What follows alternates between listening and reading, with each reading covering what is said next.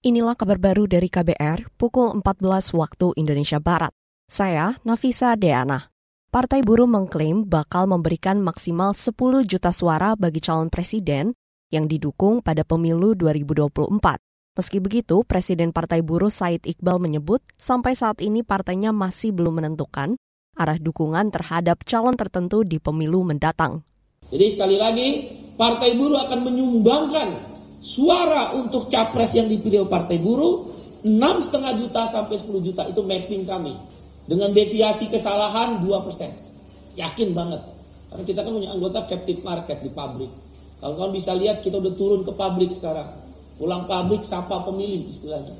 Presiden Partai Buruh Said Iqbal memastikan partainya telah mencoret nama Anies Baswedan dari daftar dukungan. Saat ini radar dukungan Partai Buruh hanya untuk nama Ganjar Pranowo dan Prabowo Subianto. Said menyebut kedua nama tersebut masing-masing didukung oleh 12 provinsi perwakilan buruh di daerah. Kita ke berita lain.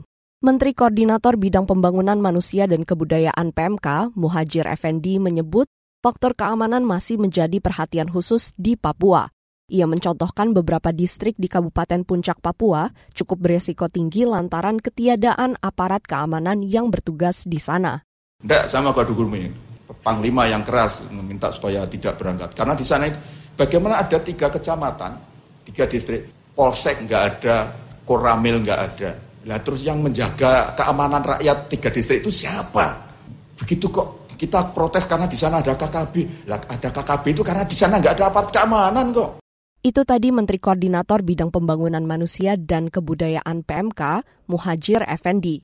Sebelumnya, Pangdam Cendrawasi Maijen TNI Izak Pangemanan membenarkan wilayah Agandugume dan Lambewi Kabupaten Puncak merupakan daerah perlintasan kelompok bersenjata. Ia mengatakan akan segera menempatkan prajurit dan mendirikan pos, menyusul akan dibangunnya gudang logistik di sekitar lapangan terbang Agandugume.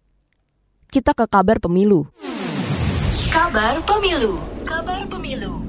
Pemerintah Kabupaten Banyuwangi, Jawa Timur telah menyiapkan dana hibah untuk pelaksanaan pemilihan kepala daerah serentak 2024 sebesar 110 miliar rupiah.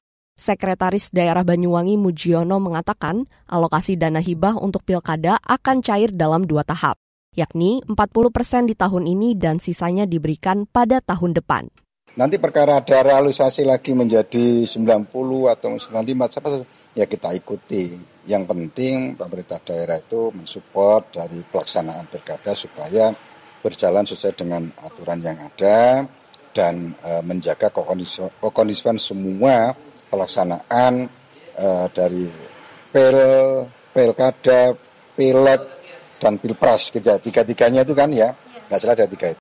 Sekretaris Daerah Banyuwangi Mujiono menambahkan, anggaran dana hibah itu nantinya akan disalurkan kepada Komisi Pemilihan Umum KPU Banyuwangi, Badan Pengawas Pemilu Bawaslu, dan untuk pos keamanan. Meski begitu, kata dia, hingga kini belum ada kesepakatan porsi anggaran yang dibutuhkan untuk masing-masing pos tersebut. Demikian kabar baru dari KBR, saya Nafisa Deana.